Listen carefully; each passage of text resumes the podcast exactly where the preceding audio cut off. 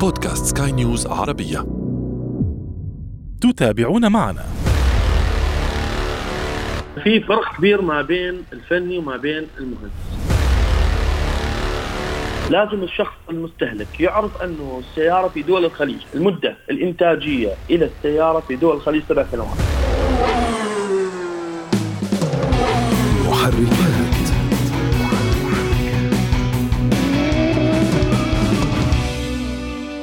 عندما تذهب إلى فني الصيانة سواء داخل الوكالة أم خارجها ويقول لك إن لديك مشكلة في كذا وكذا.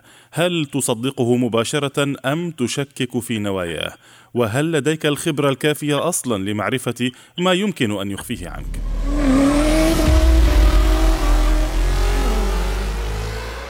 أهلا بكم مستمعينا في محركات برنامج البودكاست الذي يهم كل من يقود أي نوع من المركبات أو حتى يجلس فيها.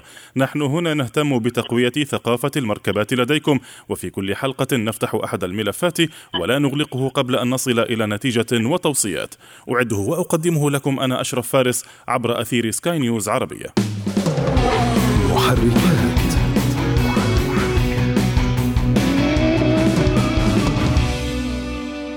يقول المثل اعط الخبز لخبازه ولو أكل نصفه. قد تكون هذه أبرز النصائح التي توجه إليك عندما تتعامل مع مختص في شأن لا تستطيع أنت أن تفصل في خباياه وتعقيداته. عندما تقف أمام الفني أو الميكانيكي داخل ورشة الصيانة فأنت في موقف مشابه تماما لما يمكن أن يحدث معك عندما تقف أمام طبيب في عيادته. لا حول لك ولا قوة أمام ما يقوله لك الخبير في الشأن الذي لا شأن لك فيه سوى مركبتك الغالية التي دفعت فيها من مالك وقوتك ما دفعت وتريدها أن تخرج بالسلامة سريعا من عيادة الميكانيكي. لكن المثل يقول أيضا الفني الأمين عملة نادرة في هذا الزمان. فطالما أنك لا تعرف كيف تفك مركبتك بنفسك وتركبها فأنت فريسة سهلة لما يمكن أن يقوله لك أي فني خبيرا كان أم صبيا. لكن هل تحتاج إلى شهادة في الهندسة الميكانيكية لكي تميز بين الفني الذي يقول لك كما نقولها بالعامية الصافي وبين من يتبعون أساليب التحايل للخروج بأكبر فاتورة ممكنة؟ نحن هنا وكما في كل حلقة نحاول أن نعزز لديكم ثقافة المركبات للمساعدة على ذلك ولهذا الموضوع نستضيف معنا عبر الهاتف من مملكة البحرين السيد أثير الدليمي مالك معرض لبيع المركبات. سيد أثير أهلا بك. هلا بك أستاذ أشرف. شلونك؟ كون الزباين؟ الزباين كلهم بخير. نريد أن نسأل عن زبائنك أنت. أنت لديك معرض وتبيع وتشتري في المركبات وبالطبع يعني لديك تعاملات مع الفنيين الميكانيكيين يعني بالدارج كما نقولها. يعني بداية ابدأ معي. ما هي أبرز الأفكار المغلوطة الشائعة بين الناس عن الفني أو الميكانيكي؟ هل هو دائما يترصد لك لكي يأخذ مالك أم يمكن أن يكون فعلا يقول الحقيقة وإن كانت صادمة؟ عليكم السلام أستاذ أشرف تحية خاصة مني لك شخصيا ولجميع متابعينك ومتابعين قناة سكاي نيوز آه، عربية نتمنى انه نفيدكم بالشيء اللي نقدر عليه ونفيد جميع المتابعين. أهلا بك أول شيء كثير من الناس من تدخل على محل ميكانيكي أو يتعاملون مع شخص ميكانيكي حول تصليح سيارتهم يعاملون ال- الفني كأنه هو المهندس مم. وفي فرق كبير ما بين الفني وما بين المهندس. من جميع النواحي. أول شيء المهندس إنسان عبارة عن إنسان آه، درس لمدة أربع سنوات خمس سنوات خبرة فعنده إلمام أكبر من إيش؟ من الفني اللي يشتغل في كراجة خصوصا أنه إحنا دول الخليج أكثر الفنيين أكثر الفنيين يكون من جنسيات آسيوية. مم. عبارة عن فك وتركيب. ما عنده خبرة كافية في السيارات. لأن إجا من بلده أصلا في بلده كان عنده فكرة خبرة صغيرة إجا نماها في دول الخليج. يعني هاي خبرة اكتسبها بالمشاهدة والتعلم عبر المشاهدة. بالضبط بالضبط. عن طريق المشاهدة في أنواع مثلا حتى أنا لاحظت في الدول الأجنبية مثل أمريكا وغير أمريكا أشخاص من دول عربية يذ- يذهبون لأمريكا ما عندهم مهنة يطلع على اليوتيوب يصلح عن طريق اليوتيوب يصلح سيارة كاملة. مم. بس كل ما في الأمر أنه خبرة ال- الخبرة ال- الإنجليزية عنده قوية وأنه عقله مف- مفتح زيادة. تشوفه يفك ويركب يفك يركب بعد مرور خمس سنوات أربع سنوات. صار فني سيارات ولكن المهندس يختلف. زين. الفرق بين الفني ال- الذي تعلم عن طريق الخبرة وبين المهندس المتعلم. مثل ما يقولوا بالإنجليزي سوبرفيجن الرؤية الميكانيكي عفوا المهندس الميكانيكي آه، عبارة عن صاحب خبرة قوية. ممكن يعين الخطأ في آه، ذاته مجرد أن تشغيل السيارة أو أو فحص السيارة عن طريق الكمبيوتر عفوا عن طريق الكمبيوتر يشخص الحالة ويعطيها للفني الفني الميكانيكي اللي موجود في الجراجات اللي إذا ما كان في مهندس هو اللي يبدل القطع فالحين فحاليا في شيء اسمه اختراع اللي هو فحص المركبة. بإمكان انه أي شخص قبل ما يذهب إلى الميكانيكي زين عشان يختصر مسافة طويلة ويختصر من الجهد والوقت اللي إحنا في دول الخليج. أهم شيء عندنا الوقت كون أكثر أكثر الناس موظفين والوقت عندنا شخصية شغلة مهمة. بإمكانه يذهب إلى إلى جراج فحص مركبات يوجد فيها مهندس ميكانيكي في عن طريق الكمبيوتر يعاين الخطأ نفسه. ما يدع الموضوع الميكانيكي هو اللي يحدده الكمبيوتر هو اللي يحدد الخطأ. ويذهب إلى الميكانيكي يقول له أنا هذا ال report عندي هاي القطعة يحتاج لها تبديل. ويقدر يروح في نفس ال report إلى الوكالة يجيب القطعة نفسها من الوكالة حتى لا يتعرض لعملية غش ما بين الأصلي والتجاري. طيب قبل لا تكمل، هل يعقل بأن الكمبيوتر اللي ثمنه 1000 ولا 2000 درهم يعوض عن خبرة مهندس خبرة دراسة أربع سنوات وخبرة سنوات حتى للفني العادي في السوق؟ هل يمكن هذا الكمبيوتر أن يعوض هذه الخبرة؟ لا طبعا حسب نوع السيارة أستاذ أشرف.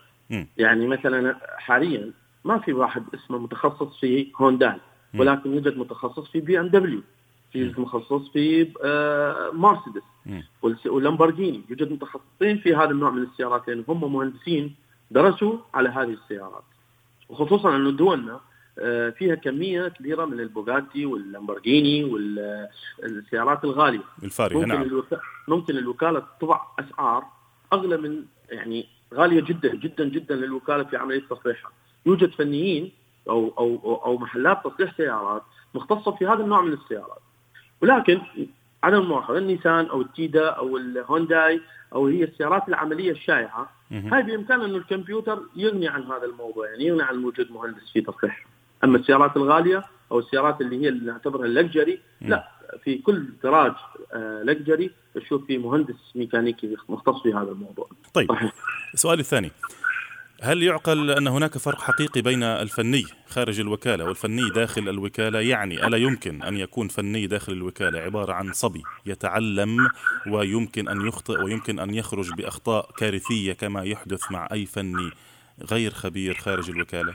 أستاذ أشرف عندي توظيف آه، فني في الوكالة. آه، تتم على عدة أمور. أول شيء فني الوكالة يكون عنده أول شيء عنده رؤية اللي جعلته يدخل آه، هذا التخصص. درس لمدة سنتين معهد آه، ميكانيك. ووراها تدرب أقل شيء ثلاث شهور في أحد الوكالات. بعدها تم تعيينه وكسب الخبرة الطويلة في هذا المجال. ولهذا فني الوكالة يكون آه، أرقى وأحسن بكثير من فني الجراجات. يعني ما أريد أن أصل إليه أنه هناك فرق حقيقي وليس مجرد آه، لبس يونيفورم أو لبس زي عمل. لا طبعا لا طبعا.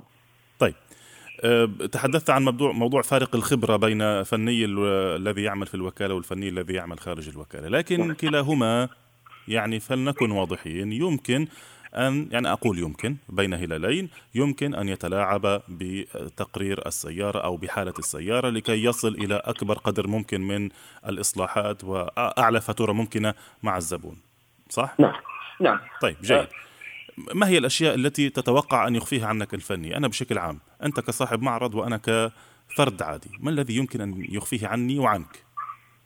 أستاذ أشرف آه، عندما تتجه إلى الجراجات العادية م. تتوقع أي شيء من, من أي جراج؟ لأنه أنت مقبل على موضوع ما أنت ما تعرف به، تبدأ تعرف عندك خبرة تجيك الخبرة متراكمة تبدأ تعرف أنت وين داخل.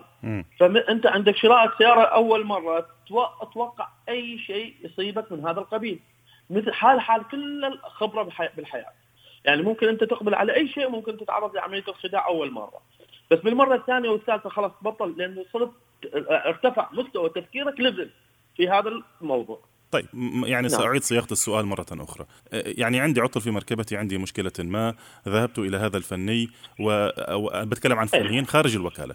نعم. ذهبت إلى هذا وذاك سمعت رأيي ورأي آخر لم أقتنع بكلام هذا لم أقتنع بكلام ذاك لسبب ما دون ذكر الأسباب هاي. قد يكون شكله مريب قد يكون له تاريخ سيء.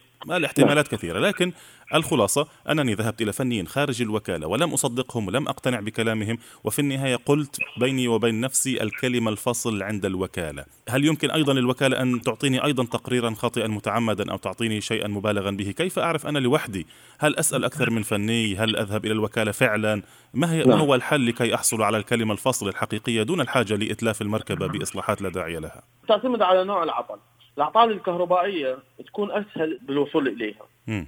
يعني عندك الكمبيوتر يكشف الأعطال الكهربائية مم. ولكن الأعطال الميكانيكية هي المشكلة اللي ممكن تواجه الشخص في هذا الموضوع فعادة عادة أستاذ أشرف تنصحك تقول لك روح الجراج الفلاني لأن أكو خبرة متراكمة في هذا الجراج مع كثير تجارب مر فيها الناس فيقول لك مثلا تقول له أشرف أنا يعني تسأل صديق أو صاحبك آه، أنا عندي صار عطل الفلاني يقول لك ما, ما يفيدك إلا الجراج الفلاني. فيكون هذا الجراج هو إنسان صادق من صدقة صار عنده زباين فبنى قاعدة قوية من الصدق فوصلت الناس أنه بالنصيحة تروح فعلا على هذا الجراج.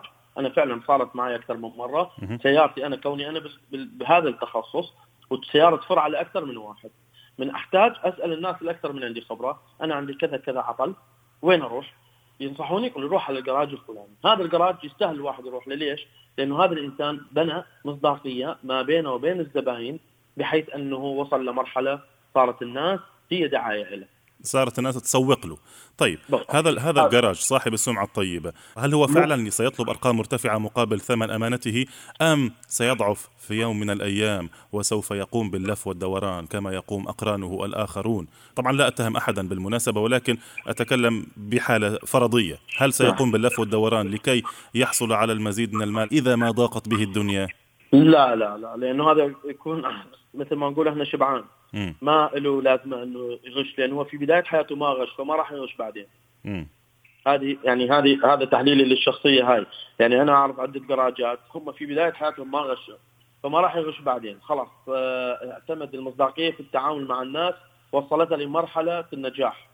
فما له داعي يرجع خطوة لورا ويغش واحد عشان الفلوس لأنه هو خلاص موضوع صار عنده مو بس موضوع فلوس صار عنده ستاف كامل يشتغل على هذا الموضوع. قد يكون بدأ لحاله وحاليا نشوفه عنده 20 موظف تحت إيده يشتغلون على نفس المصداقية.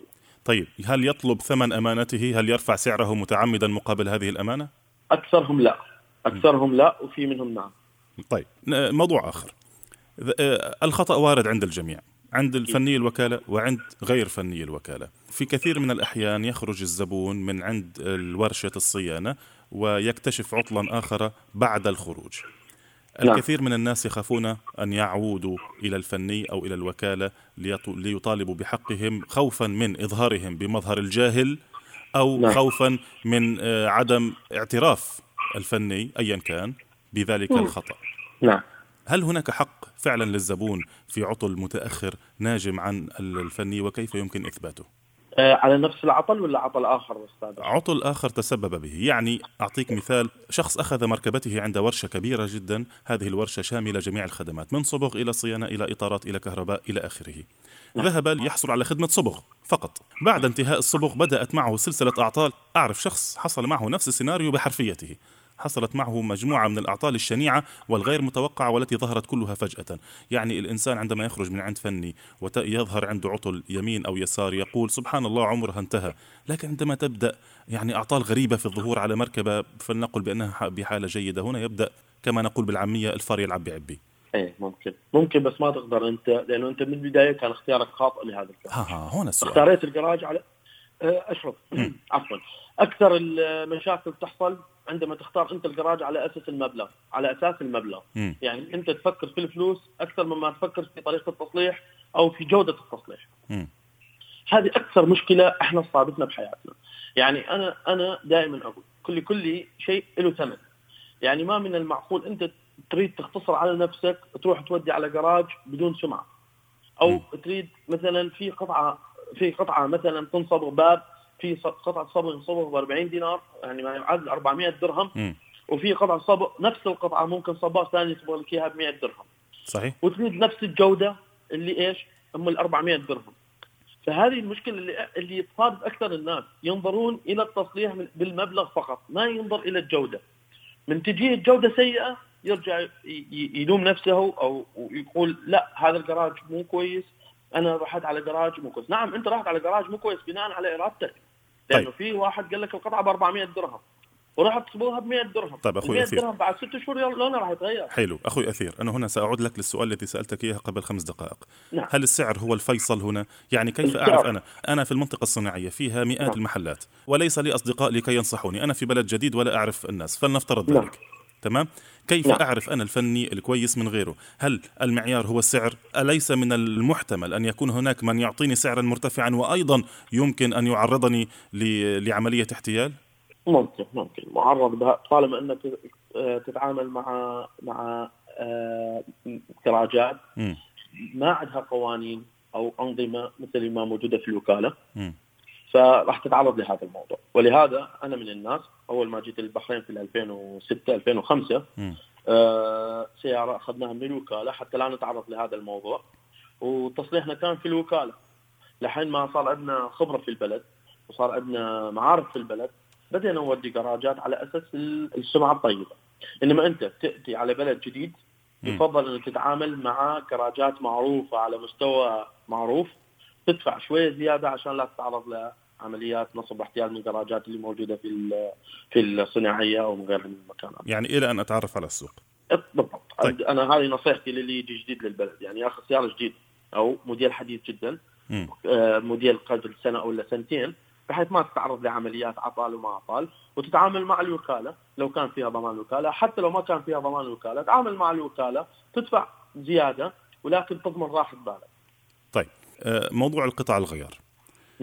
ذهبت إلى فني ميكانيكي وأعطاني آه، ثمن المصانعة كما نسميها أو ثمن الأجور نعم. ثم سعر قطع الغيار بعد فترة تبين لي بأن القطعة تجارية يعني على نعم. فرض أني اشتريت ركبت بريكات بعد أسبوعين من تركيب البريكات صارت تصفر نعم هاي بريكات مو أصلية أكيد. أو نخب ثاني أو نخب ثالث نعم. كيف أعرف أنا أنه منذ البداية ركب لي قطعة أصلية أو تجارية بعد ما صارت القطعة راكبة داخل السيارة بس إذا أنت آه، ردت قطعه اصليه عندك خيارين.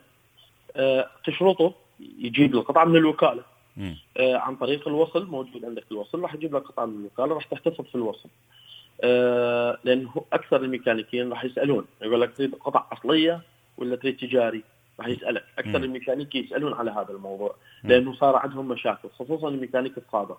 ما راح ينطيك سعر إلا ما يقول لك تريد قطعه من الوكالة ولا تريد قطعه تجاري. راح إذا قطعه تجاري راح يجيب لك وصل من من المحل اللي اشترى منه. أما إذا ردت اصلي آه، راح يجيب لك من الوكالة وصل من شركة هونداي أو كيا أو شوف من أي شركة شو ما كانت سيارتك راح يجيب لك وصل من الوكالة نفسها. ولا والحل الأخير أنه أنا دائما دائما أنصح أنه السيارة في حالة العطلات تروح على محل فحص سيارات عندكم أكثر من محل أنا ما أعرف أسمائهم. عندنا هنا في البحرين في أكثر من من مكان. آه تفحص السيارة تاخذ ريبورت تروح الم... تاخذ القطع وتروح الميكانيكي تعطيه بس حق إيده عشان تضمن إنه أنت أمورك كلها بالسليم. موضوع آخر، هل يمكن أن يكون هناك تعاون بين ورش الصيانة وبين محلات قطع الغيار؟ طبعا أكيد. ك- كيف ينعكس ذلك؟ ينعكس إيجابي على سعر القطعه اللي راح تجي. يعني هو يستغل الميكانيكي يستغل النسبة اللي راح تعطيها التخفيض اللي راح يعطيه المحل التجاري م. مقابله هو راح يصلح لك بسعر أقل ولهذا التصليح الفني أقل من يعني تصليح الجراج الخارجي أقل من الوكالة. الوكالة عندها الكوست عالي. عندها عدد من الموظفين رواتب عالي. هاي كلها راح يطلعها من مع إنه آه رغم إنه الوكالة بالمناسبة يعني هي هي البائع وهي هي من تقدم خدمتين. هي من تقدم خدمة البيع وهي من تقدم خدمة الصيانة. نعم. فبالتالي يفترض أن تكون كما نقولها بالعامية زيتنا في بيتنا. يعني البضاعه من عندنا أصلا. نعم. نعم. بس الوكالة بأرباحهم في القطع الغيار وفي التصليح تقريبا خلينا نقول 60% من أرباح السنويه أكثر من حتى بيع السيارات. إيه فتعتمد الوكالة كثير على على قطع الغيار. موضوع التعاون بين فني وبين ورش الصيانة عفوا آه، محلات بيع قطع الغيار، ألا يمكن أن ينعكس سلبا بأنه الفني سوف يرفض قطعة أنا اشتريتها من خارج من محل لا. آخر؟ لا لا ما له علاقة، بالعكس ما له علاقة. طيب اذا, إذا انت آه ما لا بالعكس أنا أشد أنا من الناس اللي أنا اللي أحط السيارة عند الميكانيكي وأجي أستلمها من عنده جاهزة. ما ادوخ نفسي في أي شيء. ليش؟ لأن الميكانيكي اللي أنا أتعامل معاه ثقة. أثق فيه. طيب أنت تثق فيه. وقلت لي إنك أنت بتخلي السيارة عند الميكانيكي. نعم. ألا تعتقد أنا معلش خليني أتكلم بفرضيات قد تكون غريبة نوعا ما لكنها يعني أعتقد أنها حدثت وتحدث ألا تعتقد أنه هم فقط خايفين منك لأنك صاحب معرض وراك رزق وراك شغل كثير لإلهم يعني لو كنت زبون طيار كما نسميه زبون نعم. سيأتي مرة واحدة ب- بالستة أشهر ألا تعتقد بأنها بأنه فرصة لكي يأخذ قدر المستطاع والله يا أشرف هذا الكلام أنا بس أسمع فيه بس ما عمري مر علي يعني حتى مع الناس اللي أعرفهم مم. يعني حتى وقت مثلا ينعرض علي هالشيء المشكلة كوني أنه أنا صاحب خبرة في هذا الموضوع مم. يقول لي إحنا ودينا السيارة عشان نصلح فلان شيء طلع لنا بعد بيومين شغلة مختلفة عن الأولانية بس أنا في قناعة نفسي إنه عارف إنه الشغله هي شغلة استهلاكية يعني شغلة إنه ممكن الصادف هي مجرد الصدفة وليس لا أكثر ولا أقل كل هالأمور. نعم نعم أنا عندي تعليق غريب هنا يعني المركبات لديها إحساس أو يمكن ركبها جني ولا شيء لا أعرف لكن لا لا هو يعني هو يط- إحنا يطلعوا كلهم مع بعض في مرحلة معينة يعني. إيه إيه إحنا في بعض السيارات آه، صدقا آه، أستاذ أشرف يعني في بعض السيارات آه، نقول إحنا بالعراقي نقول تفتح حلقها يعني تف- تف- تفتح فريس أكثر إيه إيه في بعض السيارات من تدخل مرة على الميكانيكي سبحان الله مثل الإنسان مرات الإنسان تدخل على شغلة مثلا ضغطه ارتفع يضرب مره وراها بيومين عنده السكري. صادف هذا الموضوع. فهذا الموضوع ترى جدا طبيعي خصوصا إنه أنت عندك سيارة استهلاكية. صحيح. لازم الشخص المستهلك يعرف إنه السيارة في دول الخليج نتكلم كون إحنا عايشين في دول الخليج أستاذ أشرف. مدة المدة الإنتاجية إلى السيارة في دول الخليج سبع سنوات. بعد السبع سنوات لا تسترجي منها شيء. يعني لا تستغرب في أي شيء يحصل لك. ممكن تتعرض يوميا اسبوعيا لعطلات لأنه القطعه الاستهلاكية اللي في السيارة ما تتحمل حرارتنا أكثر من خمس ست سنوات إلى سبع سنوات حتى maximum. حتى لو كانت عدادها قليل حتى لو كان عدد المسافات فيها قليل ال- العداد القليل نفس العداد الكثير وقفة السيارة في عدم مرور المي في مجاريها وعدم مرور ال oil في ماكينتها هي نفس المعدات الكثير يعني السيارة اللي تمشي أنا بنظري 15000 مم. من ناحية القطع الاستهلاكية وجوينتات المي وما جوينتات المي لمدة مثلا سيارة موديل 2015 مم. أنا اليوم جتني سيارة موديل 2015 صدقا ماشية 15000 بس عداد 15. واقفة واقفة. واقفة. وعندي نفس النوع من السيارة ماشية 190 ألف. وديتها على الميكانيكي طلع عندي المواد الاستهلاكية اللي لازم تتبدل في ال 15 ألف. أكثر من القطع الاستهلاكية اللي لازم تتبدل في ال 190 ألف. من وقفة السيارة نعم. من جنبينات من جوينات من كل شيء. آه هو الوقت قد أزف لكن عندي سؤال أريد أن أختم به الحلقة. لن أسألك عن قطع الغيار المستعملة والجديدة هذا موضوع تحدثنا فيه في حلقات أخرى. لكن آخر نقطة عندي الفني لما يأخذ المركبة منك ويقول لك خليها عندي ثلاث أيام وأربع أيام وأسبوع. نعم. أيام طويلة. أنا شخصيا أشك في ذلك. بالنسبة لل- للمستمعين للزبائن العاديين هل هناك أعطال تستحق هذا الوقت الطويل من الإصلاح؟ أه تعتمد أستاذ أشرف أه، المدة ثلاث أربع أيام كثيرة على تصليح أي سيارة. ولكن ممكن إذا في حال إنه مثلا الرجل مزدحم أو بدون موعد مسبق. يفضل أنه دائما السيارة عشان نختصر هذا هذا الموضوع أه، يفضل أنه يتعامل مع أه، جراجات أصحاب المواعيد يعني يدخلها في موعد ويعطيك اياها في موعد أنه ما يراكم السيارات عنده في المكان. آه، مدة أي عطل أي عطل أي عطل إذا كان العطل مكشوف آه، ما تستغرق أكثر من فعلا من ست سبع ساعات في عملية تصليح السيارة فعلا المدة اللي ل- لماذا لماذا يطلبون مني ترك المركبة لأيام و... وبعضهم يطلبها أسبوع وأكثر لماذا؟ يعني إذا ما, هو المبرر لديه هو كفني؟ إذا بس كان القطع غير متوفرة مم.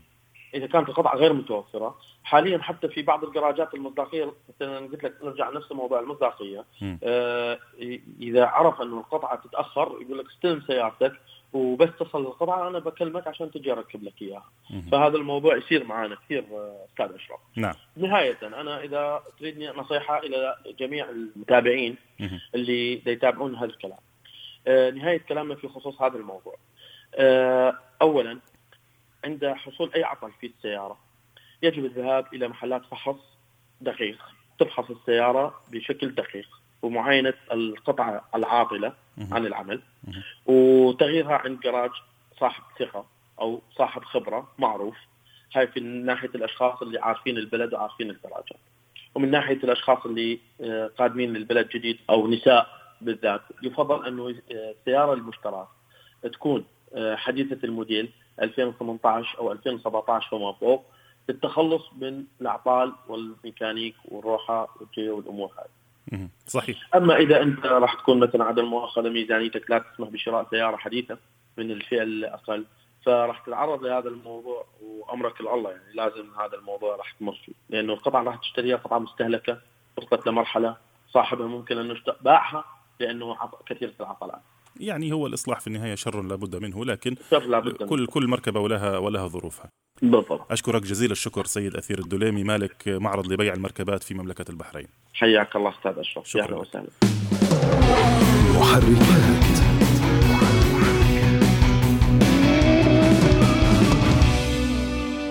وأنتم مستمعين الكرام في الختام إذا حاز هذا البودكاست على استحسانكم نرجوكم إعطائه التقييم المناسب وإذا كانت لديكم أي تعليقات أو تحسينات دائما يسعدنا أن نستقبل رسائلكم عبر منصاتنا المختلفة. في الإخراج الفني كان معي إيدي طبيب في الإعداد والتقديم كنت معكم محدثكم أنا أشرف فارس. نشكركم مرة أخرى على حسن المتابعة. دمتم دائما وأبدا في أمان الله. مع السلامة. محركات.